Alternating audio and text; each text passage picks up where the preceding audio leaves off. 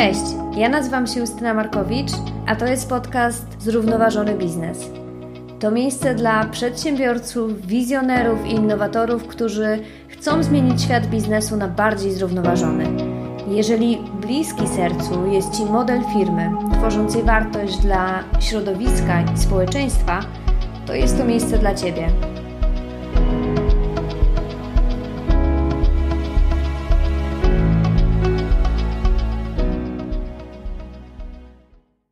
Cześć. Dyskryminacja, nierówności e, hamują rozwój wielu społeczeństw, wielu gospodarek i wielu biznesów. E, Światowe Forum Ekonomiczne podkreśla, że żeby zaadresować aktualne wyzwania e, naszego świata, w tym te olbrzymie konsekwencje pandemii koronawirusa, a także kryzysu klimatycznego, potrzebujemy zmienić ten dominujący status quo, który opiera się właśnie na nierównościach i dyskryminacji i dążyć do tego, żeby nasz system e, stał się bardziej równy i inkluzywny. No i oczywiście tę zmianę e, warto zacząć od własnego podwórka, od własnej organizacji e, i dlatego ten dzisiejszy odcinek poświęcony będzie właśnie różnorodności, inkluzywności i równości. Wokół tego tematu jest bardzo dużo stereotypów i mitów, takich chociażby, że jest to indoktrynacja globalnych koncernów i ideologii, jest też wiele barier, które sprawia, że duża część firm e, nie podejmuje w ogóle tego tematu. E, jednocześnie od wielu lat badania pokazują, że to właśnie różnorodne inkluzywne firmy e, mają lepsze wyniki i są bardziej innowacyjne. W opisie do tego odcinka dorzucam właśnie przykładowy artykuł z Harvard Business Review, który opisuje takie badania. I dlatego dzisiaj podejmujemy ten temat. Nasza dzisiejsza gościni po pierwsze odczaruje dla nas ten obszar, a po drugie podzieli się z nami e, wieloma istotnymi wskazówkami. I w tym odcinku e, dowiecie się innymi, dlaczego z różnorodnością się nie dyskutuje, na jakie bariery e, natrafia ten obszar, dlaczego sama różnorodność nie wystarcza, Jakie błędy popełniają firmy, gdy wdrażają e, działania związane z różnorodnością, inkluzywnością i równością? Oraz jakie kroki podjąć, e, chcąc podejść strategicznie do tego obszaru? E, moja dzisiejsza gościni, Ewa Leśnowolska, jest ekspertką e, specjalizującą się właśnie w kwestiach związanych z różnorodnością i inkluzją, a także z zaangażowaniem społecznym biznesu. Ewa to wieloletnia menadżerka w obszarze CSR-u i e, sustainability, aktualnie związana z firmą Better i Diversity Plus. Wcześniej pracowała w Forum Odpowiedzialnego Biznesu, Go Responsible e, i Fundacji Cronenberga przy City Handlowy. Ewa ma na swoim koncie koordynowanie kartą różnorodności w Polsce. E, była też członkinią EU Platform of Diversity Charters, e, działającej przy Dyrekcji Generalnej do Spraw Sprawiedliwości w Komisji Europejskiej. Ewa prowadziła również e, program edukacyjny dla korporacji, który dostarczał narzędzi i szkoleń w obszarze właśnie zarządzania różnorodnością i inkluzji. Jest też autorką i redaktorką publikacji w tym obszarze. E, no i Ewa jest również certyfikowaną trenerką biznesu. Wcześniej e, zarządzała również zespołem realizującym e, największy program wolontariatu pracowniczego w Polsce. Prowadziła również dialogi z interesariuszami, audyty programów społecznych firm oraz Akademię ESG. Zapraszam Was gorąco do wysłuchania tego odcinka. Jednocześnie chciałabym zachęcić Was do wsparcia rozwoju podcastu na Patronite, e, gdzie można dowolną kwotą e, wesprzeć rozwój tego podcastu. Jeżeli go doceniacie, jeżeli go lubicie, to, e, to będzie mi miło gościć Was w gronie patronów. Jednocześnie też zachęcam Was do subskrypcji, dzielenia się podcastem, jeżeli uważacie, że to, co tutaj robię, ma sens. Cześć Ewo! Cześć Justyna. Bardzo się cieszę, że dzisiaj jesteś ze mną i że możemy e, porozmawiać o, o dużym i ważnym obszarze, jakim jest e, różnorodność. Na razie użyłam jednego terminu, zaraz dowiemy się e, może o też innych terminach. Chciałabym, żebyśmy na początku tej rozmowy właśnie nakreśliły trochę teorii. I część ze słuchaczy może od razu się przerazić, że to będzie nuda, ale moim zdaniem to nie jest nudne i jest olbrzymie znaczenie właśnie tego, żeby na samym początku powiedzieć, powiedzieć o e, trochę o definicjach, bo one w pewnym sensie warunkują później rozumienie i mogą tak naprawdę sprawić, że nie popełnimy później pewnych błędów, e, chcąc e, wdrożyć jakieś działania. Ja ostatnio spotkałam się z takim ciekawym porównaniem, E, że różnorodność jest jak zaproszenie na imprezę, e, ale już e, włączanie, czyli ta inkluzja, będzie tym momentem, kiedy mm, te osoby zaproszone zaprosimy do tańca. I to, była, to było to porównanie. Ja od siebie dodałabym, że według mnie equity, czyli równość i e, czy sprawiedliwość byłaby tym momentem, gdzie każdy z tych zaproszonych, e, każda z tych zaproszonych osób mogła po prostu wybrać e, kawałek, do którego potańczymy. E, nie wiem, jak Ci się podoba ta analogia, ale chciałabym Cię właśnie poprosić o to, żebyś e, na początku nam trochę odczarowała ten, e, ten obszar diversity, equity i inclusion. Hmm. Dzięki, to jest w ogóle piękna metafora, ją strasznie lubię.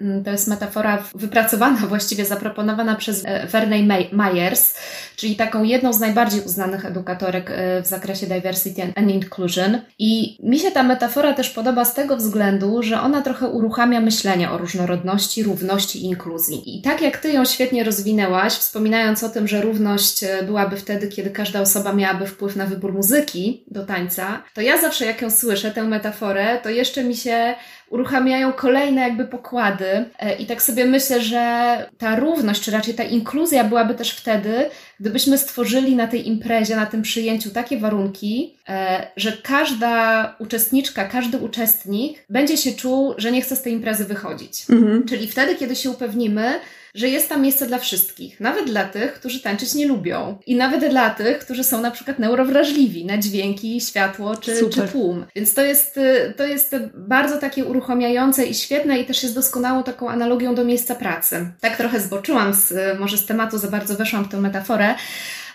ale też odpowiadając na Twoje pytanie dotyczące definicji, to rzeczywiście tutaj e, zazwyczaj mówimy o tym skrócie DAY, po angielsku Diversity, Equity, e, Inclusion. Po polsku jeszcze kilka lat temu mówiliśmy bardziej o zarządzaniu różnorodnością. Teraz na szczęście idziemy bardziej w kierunku tematu związanego z inkluzywnością, czyli z włączeniem. I żeby to sobie trochę odczarować, no to warto powiedzieć właśnie, co jest czym. Zaczynając od różnorodności, to jest chyba najprostsze. Jest to po prostu odpowiedź na pytanie, kim jesteśmy, kogo mamy na pokładzie, kto jest z nami w naszym miejscu pracy, czyli jakie mamy cechy, takie, które powodują, że jesteśmy do siebie podobni, ale też takie, które stanowią o naszej wyjątkowości. Celowo nie mówię o tym, e, o tych cechach, które nas różnią. Gdy mówimy o różnicach, to od razu gdzieś tutaj się pojawia taki punkt zapalny, że to jest jakiś przyczynek do konfliktów i to jest coś, co ma, jakieś takie ma konotacje, zabarwienie negatywne. A jak mówimy o tym, co nas y, wyróżnia, co jest dla nas wyjątkowe, dla nas charakterystyczne, to widzimy w tym od razu pewną wartość, pewną korzyść. I to jest świetny też punkt wyjścia do tego, żeby później na tej różnorodności budować. W Polsce oczywiście mówimy, hamuj mnie, jeżeli będę tutaj za dużo się rozgadywać przy tych definicjach, bo, y, bo pewnie mamy o wiele więcej y, tematów, ale może dwa słowa jeszcze, bo gdy mówimy o różnorodności, to y, zazwyczaj przychodzą nam na myśl takie cechy jak kolor skóry, pochodzenie, gender, płeć, wiek, stopień sprawności. A też trzeba pamiętać o tym, że ta różnorodność jest znacznie, znacznie szersza. Mhm. To, co nas wyróżnia, to są też takie rzeczy jak wygląd, jak pochodzenie, jak wykształcenie, e, jak stanowisko, jak doświadczenia życiowe, e, jak wydajność naszej pracy, ale też takie rzeczy, że E, czy należymy do związków zawodowych, czy nie, mm, jakie mamy zainteresowania, ale też przede wszystkim jakie mamy wartości. Mhm. Więc tutaj tych, tych cech jest bardzo, bardzo dużo. I to jest jakby temat różnorodności. Różnorodność jest, z różnorodnością się nie dyskutuje, ona po prostu funkcjonuje i jesteśmy różnorodni.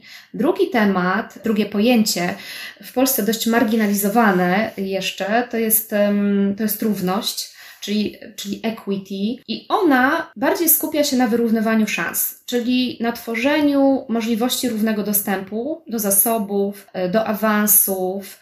Dbamy o to, żeby dostarczać narzędzia do tego, żeby ludzie mogli osiągnąć sukces ale też tak modyfikujemy, czy sprawdzamy, czy dostosowujemy nasze polityki, procedury, ale też jakby działania, które prowadzimy w firmach, po to, y, żeby każda osoba, która jest zatrudniona w firmie, nie czuła się wykluczona, y, żeby miała rzeczywiście tutaj możliwość bycia w pełni sobą, ale też, żeby miała możliwość osiągnięcia sukcesu. Czyli to są takie trochę działania wyrównawcze, które są często kierowane do grup, do grup mniejszościowych. Czyli jak pytaliśmy przy różnorodności, kogo mamy na pokładzie, tak tutaj zadajemy raczej pytanie, kto próbuje się dostać e, do nas a nie może, albo y, jaki potencjał wytracamy, kogo nam brakuje, kto nam umyka. Y, więc to jest bardziej odpowiedź na to pytanie. I ostatnie, o czym też wspomniałaś, to jest ta inkluzja, czyli w Polsce tłumaczone najczęściej jako włączenie. Mhm. I to jest coś, do czego dążymy. To jest już właściwie zmiana całej kultury organizacyjnej firmy. Mhm. Y, to są działania dedykowane już nie tyle do grup, co do jednostek. I to jest takie podejście, w którym dążymy do tego, tego, żeby każda osoba w organizacji mogła być w pełni sobą, żeby była słuchana i słyszana, żeby miała zaspokojone potrzeby związane z poczuciem bezpieczeństwa psychicznego, z, takim, z taką potrzebą bycia w relacjach z innymi ludźmi, czyli taką potrzebą bycia częścią wspólnoty, ale też takie potrzeby związane z, z zaangażowaniem, czyli ja będąc w tym zespole, w tej organizacji, też chcę mieć wpływ.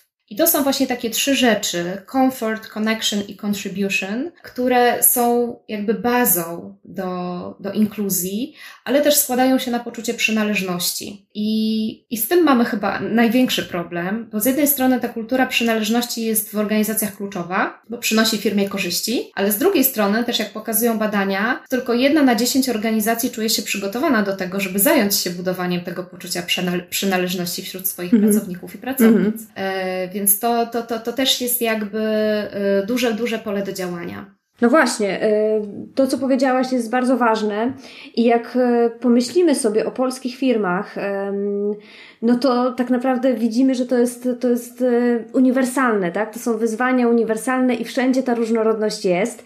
Natomiast często w Polsce kojarzymy e, temat różnorodności, często używany jako też w, w angielskim słowie diversity, e, z globalnymi markami, e, dużymi korporacjami. A tak naprawdę, jak pomyślimy o temacie zarządzania różnorodnością, to okazuje się, że to jest taka bardzo właśnie nasza, też polska, taki nasz polski temat, bo dotyka on podstawowych praw człowieka, tych aktualnych i bliskich nam wyzwań społecznych, na przykład tego, że mamy duży niż demograficzny w Polsce, e, mamy nierówności płci, e, mamy również e, pogłębiające się nierówności społeczne a także dotyka nas problem polaryzacji społeczeństwa. Jednocześnie wiele badań wskazuje na to, że to jednolite i mało różnorodne, różnorodne miejsce pracy jest po prostu mniej kreatywne, a przez to też mniej innowacyjne. W 2015 roku McKinsey Global Institute y, oszacował, że takie zmniejszenie różnicy w społecznym statusie kobiet i mężczyzn mogłoby przynieść globalnej gospodarce 28 miliardów dolarów do 2025 roku. I patrząc na to, że ten temat jest właśnie tak, tak mocno, po pierwsze, istotny, patrząc na te nasze wyzwania społeczne, a jednocześnie mm, mógłby przynieść nam duże korzyści też biznesowe, a patrząc na to, jak rzeczywiście jest to implementowane w, w polskich firmach, e, no coś tutaj nie gra, tak? I ja się zastanawiam, jakie są główne bariery w firmach właśnie w tym, żeby zająć się tą różnorodnością.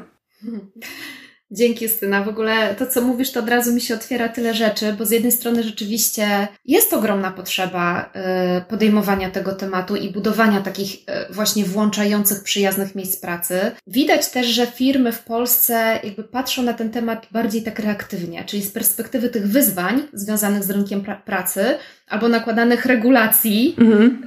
y, czyli na przykład no właśnie te wyzwania, o których Ty mówiłaś, starzenie się społeczeństw, tak, że mamy rynek pracownika, zmienia się też ta, są te nie, nierówności, też jest, trochę zmienia się redefinicja z tych ról społeczno-kulturowych kobiet i mężczyzn, ale pojawia się też konieczność raportowania, na przykład e, wysokości, wielkości reprezentacji kobiet w zarządach, w radach nadzorczych. Za chwilę wejdzie ta dyrektywa Work-Life Balance, ale wciąż to jest takie podejście, że ktoś zewnętrznie od nas wymaga, albo my odpowiadamy na potrzeby rynku. Przy czym, tak jak też wspomniałaś, tych korzyści jest naprawdę masa.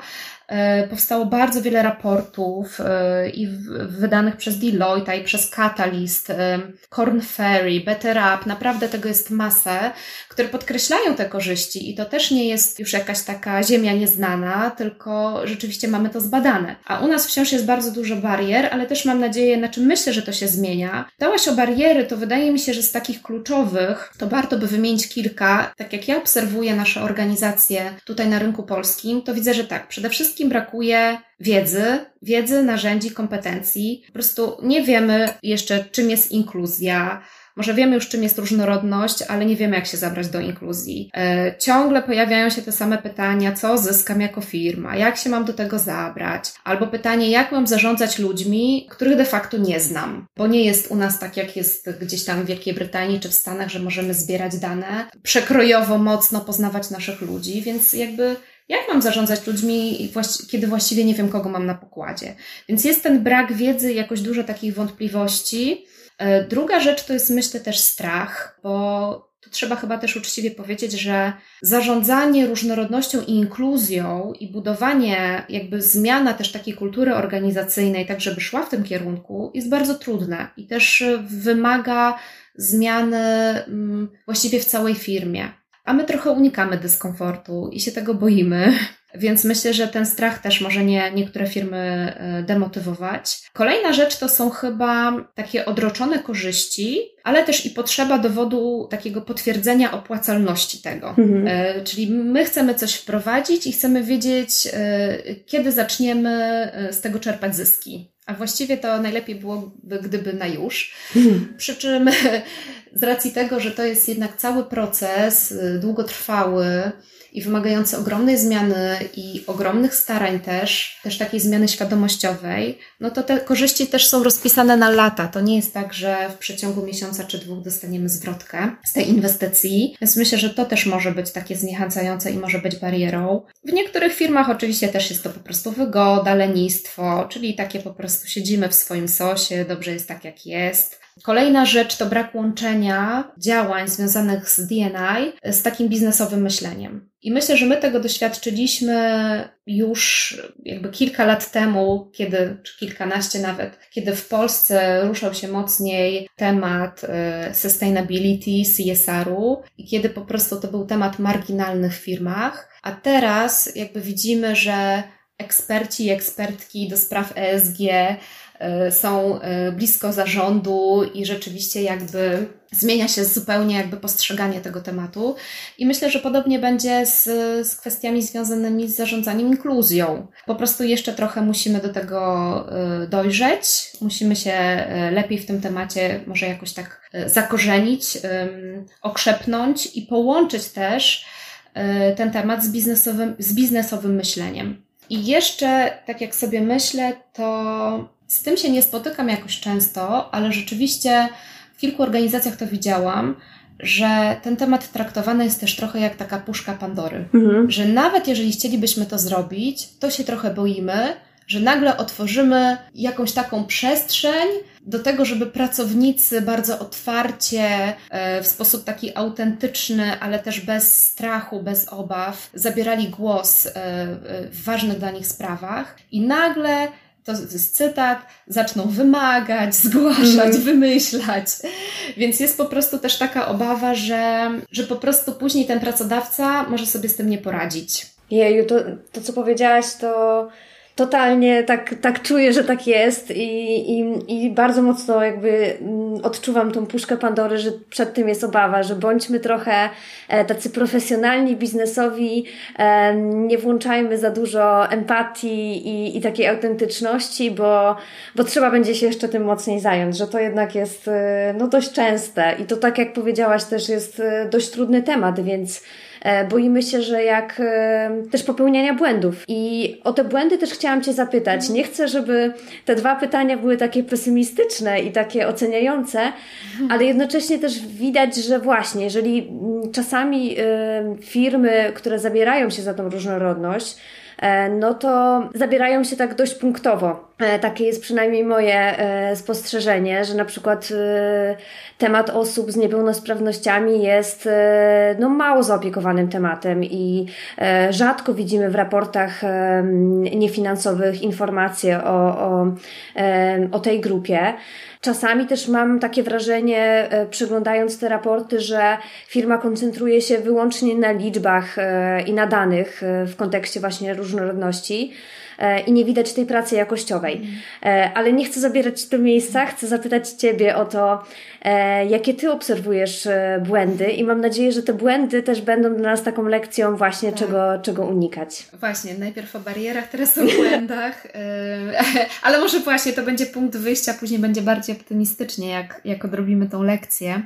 Powiedziałaś o tych liczbach, to mnie bardzo zainspirowało i, i od razu mam w głowie taki cytat, który mi się szalenie podoba. Diversity is about counting heads, inclusion making heads count. -hmm. I to mhm. jest jakby cała istota, że gdy skupiamy się tylko na różnorodności, to rzeczywiście skupiamy się tylko na danych. Sprawdzamy, kogo mamy, zbieramy te dane demograficzne, y, liczymy, kogo nam brakuje, gdzie trzeba się jeszcze otworzyć, kogo zaprosić i tak dalej. I ja nie mówię, że to jest złe, bo to jest ważne i to jest jakby pewien etap na drodze do tej inkluzji, ale nie można na tym poprzestać, bo celem jest właściwie to, żeby ci ludzie się liczyli, prawda? Żeby ich słyszeć, żeby oni mieli głos, żeby oni mieli poczucie, że się czują tej organizacji jak w domu. E, więc nie, nie tyle o liczby tu chodzi, co ym, raczej o sposób tworzenia relacji między ludźmi. Ale tak, to jest, to jest błąd, absolutnie. Z takich innych, które dostrzegam, to wydaje mi się, że pokutuje czasami takie myślenie właśnie, że zgromadzimy różnorodny zespół i stanie się magia. Przy czym też wszyscy jakby y, też odmieniają to powiedzenie na, na, przez wszystkie przypadki, że różnorodność jest faktem i tę różnorodność mamy. Oczywiście możemy ją wzbogacać, tak żeby nasz zespół był bardziej odzwierciedleniem tego, jak wyglądają, jak wygląda grupa naszych klientów i klientek, czy jak wyglądają społeczności, w których y, my funkcjonujemy, mhm. ale to, to nie stanie się magia. Znaczy to, jeżeli tylko po, pozostaniemy przy zgromadzeniu, czy przy z, zebraniu różnorodnego zespołu, ale nic się z tym później nie zadzieje, to raczej to będzie przyczynek do konfliktów, y, niż do tego, że w naszej organizacji będzie lepiej. Kolejna rzecz, taki kolejny błąd, to jest chyba myślenie, że polityka albo strategia, jeszcze najlepiej stworzona przez eksperta czy ekspertkę z zewnątrz, wszystko załatwią. Czyli, że nagle po prostu staniemy się organizacją e, właśnie taką, która ma na sztandarach i w swoim DNA inkluzję, czy to, czy, czy to włączenie, e, a to jest dopiero punkt wyjścia. I, i oczywiście to jest ważne, ta strategia i polityka, ale w, tylko wtedy, kiedy jest tworzona w jakimś takim procesie jednak partycypacyjnym i angażującym ludzi ze, ze środka z organizacji. Myślę jeszcze o tych błędach. Tak, y, kolejny błąd to jest takie oczekiwanie, że coś można zamknąć w jakimś przedziale czasowym. Czyli, że włożymy pewien wysiłek, włożymy zasoby, postaramy się, włożymy pracę i jakby domkniemy coś i będziemy już super. A inkluzja, jakby tworzenie w ogóle takiego miejsca pracy, e, takiego otwartego na wszystkich e, pracowników i pracownice, to jest praca dzień po dniu. Mhm. E, to jest coś, czego nie można odhaczyć, czego nie można zamknąć po prostu decydujemy się, to jest jakby pewna decyzja na wejście na zupełnie jakby inne tory, na zupełnie inną drogę. Co też często spotykam, to takie eventowe podejście do tego tematu, czyli tworzenie jakichś akcji, na przykład y, Dnia Różnorodności czy Tygodnia Różnorodności wewnątrz firmy, albo wypuszczenie właśnie raz na jakiś czas jakiegoś newslettera przy okazji obchodów y, konkretnego dnia i jakby załatwianie w ten sposób właśnie jakby tej, tego tematu. A też jakby trzeba pamiętać o tym, że eventy, akcje, to też nie jest to, o co nam chodzi. Oczywiście to mogą być działania wspierające i to mhm. nie znaczy, że trzeba z tego rezygnować, ale to jednak jest pewien dodatek, a nie, a nie mhm. core tego działania. E, z takich błędów to też jest brak zaangażowania takiego top managementu, a to jest jednak bardzo ważne, bo liderzy i liderki mają ogromny wpływ na to, e, w jaki sposób funkcjonuje cała organizacja i są też takimi role models i rzeczywiście tutaj powinny być przykładem, mało tego, z jednej strony być przykładem, ale z drugiej strony też mieć kompetencje e, do tego, żeby pracować ze swoimi ludźmi właśnie w taki sposób włączający. I chyba jeszcze takim może, może taka ostatnia rzecz, o której bym powiedziała, to jest skupienie tematu związanego z zarządzaniem różnorodnością i inkluzją wyłącznie w HR-ach. Mhm. Albo oddelegowanie jednej osoby, takiego D&I oficera, oficera albo menadżera do tego, żeby zaopiekował się tym tematem w organizacji. I wydaje mi się, że to jest e, duży błąd. E, z jednej strony to jest duża samotność i duża odpowiedzialność tych osób, które się tym zajmują, ale też patrząc z takiej perspektywy czysto wymiernych korzyści i przełożenia na całą firmę, no to e, może to skutkować niestety jakimś niepowodzeniem, dlatego że nie będzie miało przełożenia na całą organizację. Dużo tych błędów. Mm. Litania błędów się zrobiła. Litania błędów, ale ona jest moim zdaniem bardzo, bardzo ważna, żeby, e, żeby zrobić taki rachunek sumienia po prostu jako firma. E, a też jak zaczynamy ten temat, pomyśleć przez, e, przez ten pryzmat. Mm. Ja teraz tak sobie pomyślałam, że chciałabym Ci zadać z kolei takie, takie trochę inne pytanie niż zazwyczaj zadaję, ponieważ chciałabym, żebyśmy pomyślały, że masz nieograniczony budżet i możliwość do zaimplementowania w firmie pięciu działań hmm. związanych właśnie z obszarem różnorodności, równości i włączania. E, co byś zrobiła z tym, z tym budżetem? Super pytanie w ogóle. E, jak to słyszę, to się uśmiecham też od ucha do ucha, bo to jest takie pytanie, wiesz, które uruchamia wyobraźnię i od razu pytanie z cyklu tych, jakie marzenie byś spełniła, nie? Jakbyś miała milion, milion dolców. Tak. Um, ale tak sobie myślę, Odpowiem na nie przewrotnie, bo tak sobie myślę, że w kontekście inkluzji to po pierwsze nie do końca jest kwestia pieniędzy, chociaż one są oczywiście bardzo ważne, kluczowe i są potrzebne, ale to jest raczej, znaczy one nie załatwią tematu. To jest bardziej kwestia takiego intention and attention, czyli mhm. takiego zamiaru i uwagi, czyli z jaką intencją my w ogóle podchodzimy do tego tematu, co my chcemy osiągnąć i też ile jesteśmy w stanie dać, po prostu jaką pracę chcemy wykonać. I, i wydaje mi się, że to też jest kwestia gotowości organizacji, takiej jej dojrzałości, świadomości też etapu, na którym się znajduje e, i relacji też, które panują w środku, na, na jakim etapie w ogóle jesteśmy. Więc w tym kontekście trudno jest zaproponować jakichś takich pięć y, super działań. Byłoby to, można byłoby to zrobić, gdybym, gdybyśmy myślały bardziej o tych działaniach akcyjnych, mm -hmm. prawda? E, takich bardziej promocyjnych na przykład, to łatwiej byłoby to zrobić, ale jak się myśli o y, zmianie kultury organizacyjnej i jakby o tym, do czego rzeczywiście chcemy dążyć, to jest to trudne, więc y, raczej myślałabym, jakby przeformułowując Twoje pytanie, myślałabym bardziej o tym jako o pewnej drodze, którą trzeba przejść, y, nie pomijając pewnie najlepiej byłoby żadnego z, z jej elementów. Może powiem po prostu, jak ja bym widziała tą drogę, co wydaje mi się, że jest ważne. Czyli pierwsza rzecz to jest um, zobaczenie, sprawdzenie, jak działają u nas um, najbardziej podstawowe rzeczy, e, które są wymagane prawem, czyli jak funkcjonuje u nas, jak funkcjonują u nas wdrożone polityki, procedury e, związane z przeciwdziałaniem dyskryminacji i mobbingowi. I to jest jakby pierwsza rzecz, bo to, że nie mamy skarg, nie musi oznaczać, że jesteśmy super, może oznaczać, że system nie działa, a wyeliminowanie tego typu zachowań, zachowań dyskryminujących, mobbujących, takich wykluczających, jest jakby podstawą żebyśmy mogli w ogóle pójść dalej.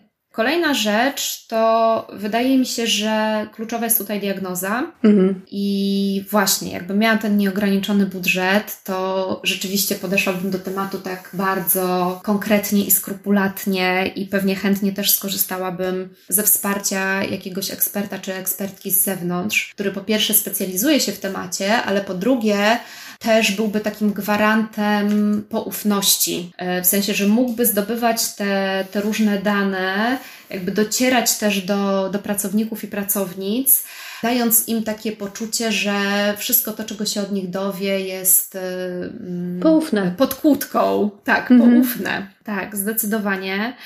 E, I tutaj warto, ja często mówię, przyjrzeć się, ale jestem też poprawiana przez e, moje koleżanki, które się zajmują tym tematem, że to nie można się przyglądać, tylko to trzeba zbadać bardzo konkretnie. Więc mówię, że trzeba to zbadać, czyli sprawdzić, jak działają u nas polityki równego traktowania, jakie mamy grupy marginalizowane w miejscu pracy, uznanie, że w ogóle te grupy są, e, sprawdzenie całej ścieżki zatrudnienia i rozwoju pracownika i pracownicy, od procesu rekrutacji przez onboarding, rozwój, szkolenia, awanse, politykę wynagrodzeń.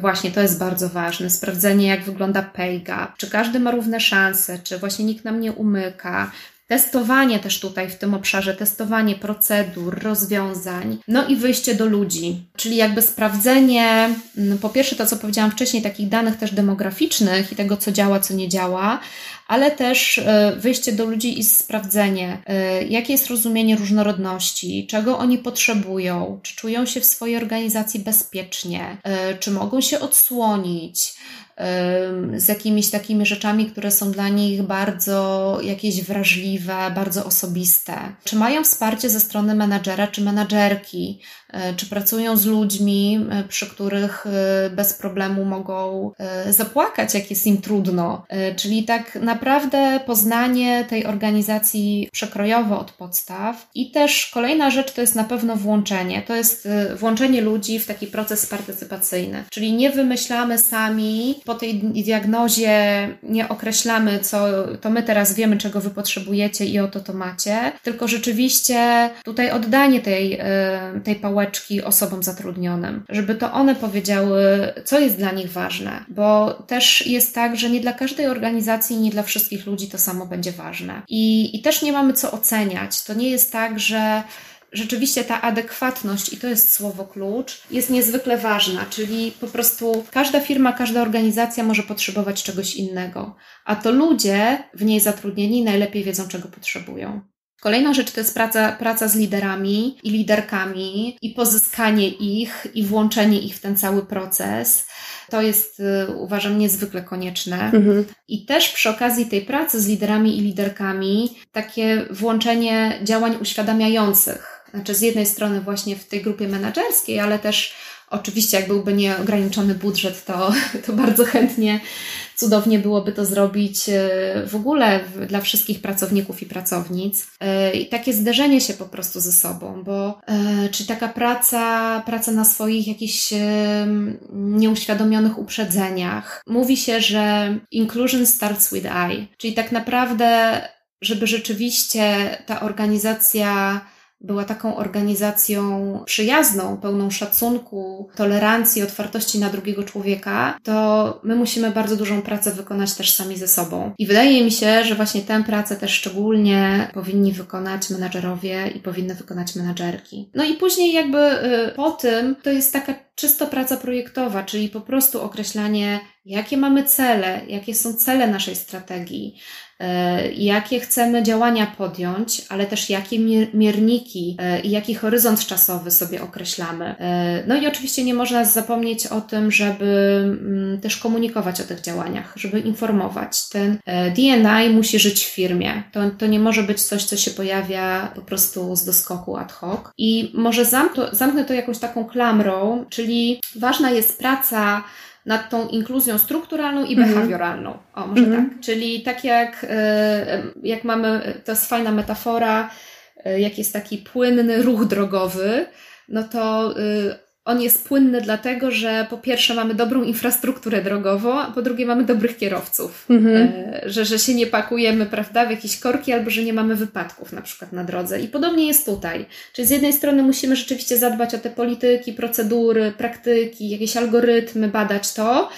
i, i traktować to po prostu jak taki yy, projekt biznesowy, a z drugiej strony też patrzeć na decyzje, na relacje, i też na proste rzeczy. No, podobał mi się przykład e, Netflixa, gdzie zespół do spraw e, zarządzania inkluzją przez pierwszy jakiś okres swojego działania uczestniczył w, w bardzo różnych przypadkowych spotkaniach innych zespołów i obserwował, w jaki sposób są prowadzone te spotkania. Mhm. I, I później dawał informację zwrotną, że tu zabrakło na przykład tej, tej soczewki inkluzywności, nie? I wyłapywał po prostu te momenty. I tak musimy też patrzeć jakby na nasze życie w organizacji, czyli na to, czy moja decyzja nie była naznaczona jakimiś stereotypami, y, czy awansując kogoś y, brałem, czy brałam pod uwagę kompetencje wszystkich ludzi, czy tutaj nie miałam po prostu jakiejś mojej naleciałości, bo z kimś mi się po prostu lepiej pracuje, albo ktoś po prostu myśli bardziej w sposób bardziej podobny do mojego. Czyli to, tak, to, to zdecydowanie też jest ważne, czyli jakby ta, ta praca nad, y, nad naszymi zachowaniami po prostu. Mhm. Teraz takie pytanie już bardzo krótkie. E, tu z kolei e, założyłam budżet 10 tysięcy złotych i jedno działanie, e, które byś rekomendowała, żeby firma zrobiła na sam początek. A mogę dwa działania? możesz, możesz. To może tak. Pierwsze to znać sponsora. Mhm. Y, przygotuj argumenty i znajdź sponsora. Tylko sponsora rozumianego nie w taki standardowy sposób sponsora na zewnątrz, tylko chodzi o wewnętrznego sponsora tego tematu, tak? Tak. Wewnętrznego sponsora zdecydowanie, kogoś po prostu, kto jest wysoko w strukturach firmy i kto po prostu będzie ambasadorem, z jednej strony ambasadorem tego tematu, a z drugiej strony właśnie sponsorem. I przekonaj go, że to jest nie tylko human case, ale to też jest business case i to bardzo ułatwi. Czyli to jest jakby ta pierwsza rzecz. Mhm. A druga rzecz to zejdź do ludzi. Zapytaj, co oni o tym myślą, czego potrzebują, jakim jest teraz, czego im brakuje. Czyli jakby chyba, chyba te dwie rzeczy. Mhm. Tak, i zwykłe badanie zaangażowania na pewno nam tego nie, nie zaadresuje, te, tej odpowiedzi, tak. e, więc warto tutaj skupić się no właśnie na, na tych pytaniach, które Ty też już wymieniłaś, czyli związanych właśnie z tym obszarem. Bo na pewno w zwykłym takim standardowym badaniu zaangażowania takie pytania niestety e, nie padają albo pada ich po prostu mało i mało głęboko. Tak. Zdecydowanie. A to też jest ciekawe, jakby co z tego wychodzi, w sensie, że to też jest świetny argument później dla osób zarządzających, bo jeżeli poznamy naprawdę bardzo dobrze nasz zespół, naszą organizację i potrzeby naszych ludzi, to też możemy w zupełnie inny sposób później my działać jako menadżerowie i menadżerki. Mhm. Tak, no liczby też tutaj tak. pomogą, tak? Natężenie pewnych, pewnych odpowiedzi e, i to, co się powtarza, tak, wśród pracowników. Myślę, że, że to rzeczywiście Mm, jest w stanie przekonać e, liderów na samym szczycie. No to e, kolejne pytanie. Wymieniłaś Netflixa, ale zobaczymy, czy go wymienisz powtórnie. E, chciałabym poprosić Cię o wymienienie trzech firm, które warto obserwować, jeżeli chodzi o, o inspirację właśnie w diversity, equity, inclusion. Mhm. To ja znowu chyba przewrotnie muszę, dlatego że to jest bardzo trudne pytanie, bo zarządzanie różnorodnością i inkluzją to nie jest wyścig. To znaczy, to jest tak, że każda organizacja ma swoje tempo. Nie ma jednego uniwersalnego przepisu na inkluzywną organizację, więc też trudno jest je porównywać między sobą. I nie ma też jednego uniwersalnego i idealnego modelu takiej włączającej organizacji. Mhm. Po prostu organizacje są różne, tak jak my jesteśmy różni, różnorodni i bardziej jakby cenniejsze jest to, by odpowiadać na potrzeby, które y, ludzie e, określą za najbardziej istotne i by organizacja dochodziła do tego w swoim tempie, a nie to, żebyśmy sobie stawiali e, jakby kogoś e, na, na piedestale.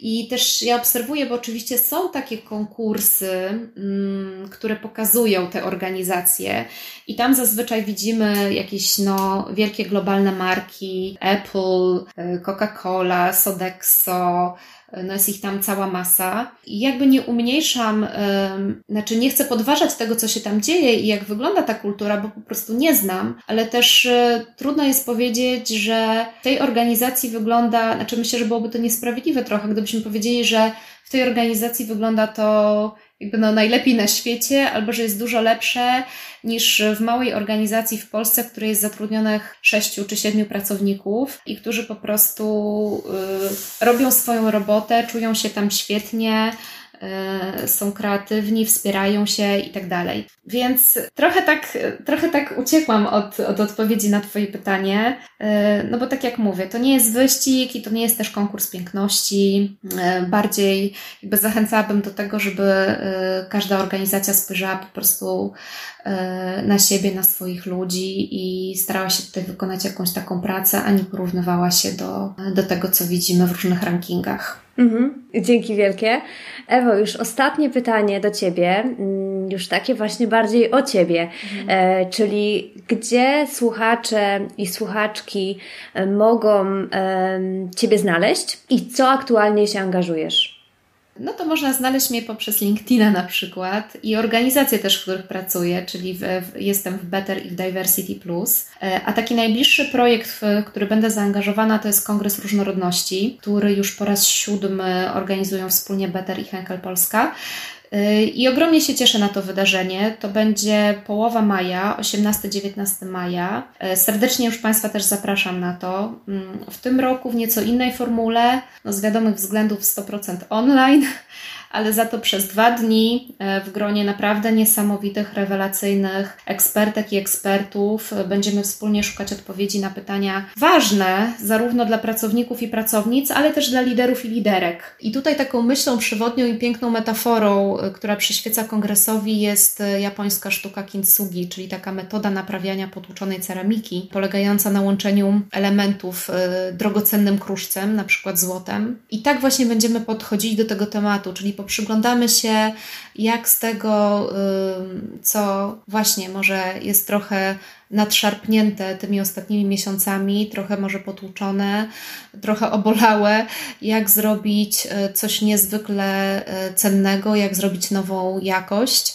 E, a tym drogocennym kruszcem w tym wszystkim e, będzie właśnie inkluzja, czyli ta kultura e, szacunku, akceptacji, doceniania drugiego człowieka, ta przestrzeń do wspierania siebie. I mam nadzieję też, że wszyscy Państwo to znajdą na, na kongresie, coś dla siebie, ale też takie właśnie poczucie, że jest to wzmacniające wydarzenie. I, i dlatego też gorąco, serdecznie zapraszam na ten kongres, kongres różnorodności. Dzięki, dzięki wielkie, że się podzieliłaś e, tym wydarzeniem. I bardzo, bardzo dziękuję Ci za, za Twój e, wkład i, i, i niezwykłą podróż po, po tym obszarze. I mam nadzieję do usłyszenia jeszcze w którymś z odcinków. Dzięki Justyna, do usłyszenia.